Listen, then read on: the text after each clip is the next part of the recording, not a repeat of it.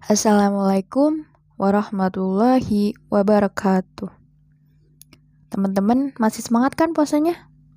Masih kan ya? Semoga puasa di bulan ini membawa berkah bagi kita semua. Amin. Oh ya, sebelumnya perkenalkan namaku Meli Sania Ramadan. Teman-teman, siapa nih yang sholat subuhnya masih bolong-bolong dan kadang sholat subuhnya masih telat. Pasti masih ada nih yang sholatnya masih pada bolong-bolong dan telat kan? Teman-teman, tahu nggak sih kenapa sholat subuh itu terasa berat? Nah, teman-teman perlu kita ketahui bahwa subuh merupakan salah satu waktu di antara beberapa waktu di mana Allah Subhanahu wa taala memerintahkan umat Islam untuk mengerjakan sholat saat itu. Dan Allah berfirman, Dirikanlah sholat dari sesudah matahari tergelincir sampai gelap matahari, dan dirikanlah pula sholat subuh. Sesungguhnya sholat subuh itu disaksikan oleh malaikat. Surat Al-Isra ayat 78. Dan Rasulullah Shallallahu alaihi wasallam pernah bersabda, Apabila seseorang tertidur atau lupa tidak mengerjakan sholat, maka hendaknya segera melaksanakan sholat ketika ingat. Hadis riwayat Muslim. Dari hadis tersebut, Beberapa ulama fikih sepakat bahwa setiap orang yang lupa atau ketiduran sehingga tidak melaksanakan sholat tepat pada waktunya, maka harus segera mengkodo atau mengganti di waktu yang lain. Rasulullah sendiri bersama sahabatnya juga pernah kesiangan pada waktu subuh dan ketika bangun beliau langsung melaksanakan sholat. Karena sholat merupakan kewajiban kepada Allah dan kewajiban itu sama dengan hutang. Dan sedangkan hutang kepada Allah lebih berhak untuk dibayar. Adapun alasan meninggalkan sholat karena disengaja, sehingga habis waktu sholatnya. Dan jika karena lupa atau atau tertidur, saja wajib dikodok. Apalagi jika dilakukan dengan sengaja, tentu wajib untuk dikodok. Namun, menurut beberapa ulama yang berpendapat bahwa orang yang sengaja meninggalkan sholat hingga habis waktunya, maka tidak boleh dikodo dan nantinya mereka yang akan menanggung dosa di akhirat nanti. Betapa banyak kaum muslimin yang lalai dalam mengerjakan sholat subuh. Bahkan mereka malah lebih memilih untuk melanjutkan tidurnya daripada bangun untuk melaksanakan sholat.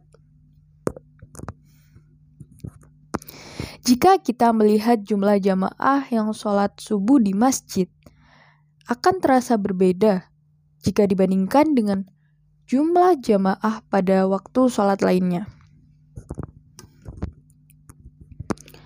Apabila seseorang mengerjakan sholat subuh, niscaya ia akan mendapatkan banyak keutamaan. Keutamaan yang pertama yaitu adalah sebagai salah satu penyebab untuk masuk surga.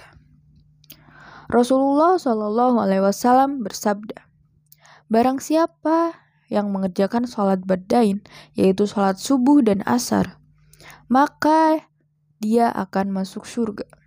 Hadis riwayat Bukhari dan Muslim.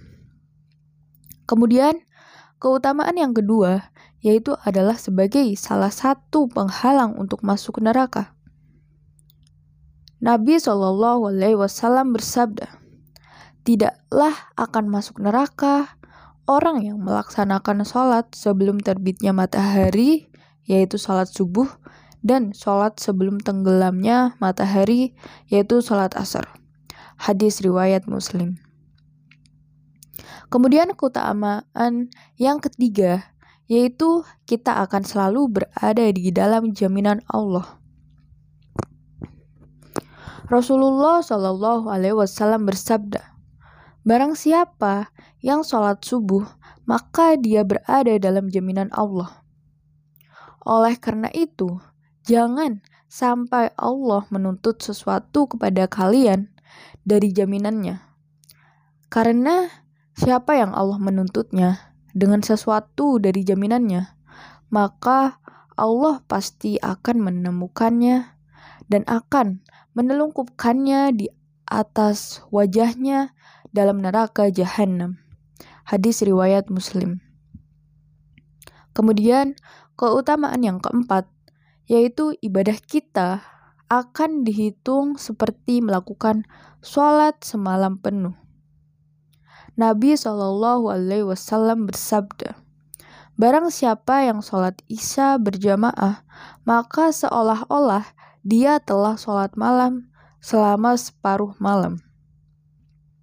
Dan barang siapa yang sholat subuh berjamaah, maka seolah-olah dia telah sholat seluruh malamnya. Hadis riwayat Muslim. Dan keutamaan lainnya yaitu ibadah kita akan disaksikan oleh para malaikat. Nabi Shallallahu Alaihi Wasallam bersabda, dan para malaikat malam dan malaikat siang berkumpul pada sholat fajar atau subuh. Hadis riwayat Bukhari dan Muslim. Selain keutamaannya, jika kita meninggalkan sholat subuh, kita juga akan mendapatkan ancaman. Dan tidak takutkah kita jika dikatakan sebagai orang yang munafik karena hanya meninggalkan sholat subuh. Dan kebanyakan orang meninggalkan sholat subuh yaitu karena aktivitas tidur. Nabi Shallallahu Alaihi Wasallam bersabda bahwa sesungguhnya sholat yang paling berat dilaksanakan oleh orang-orang munafik adalah sholat isya dan sholat subuh. Sekiranya mereka mengetahui keutamaan keduanya, niscaya mereka akan mendatanginya sekalipun dengan merangkak. Hadis riwayat Bukhari dan Muslim. Ancaman tersebut cukup dikatakan sebagai orang munafik, sehingga akan membuat kita selalu memperhatikan ibadah, terutama sholat subuh. Semoga Allah selalu memberikan hidayah kepada kita semua, terkhusus bagi para laki-laki untuk bisa melaksanakan sholat berjamaah di masjid. Mungkin sekian yang dapat saya sampaikan pada podcast kali ini. Semoga apa yang telah saya sampaikan bermanfaat dan semoga kita semua selalu menunaikan ibadah sholat lima waktu dan akan lebih baik lagi jika ditambahkan dengan sholat sunnah. Wabillahi taufiq wal hidayah.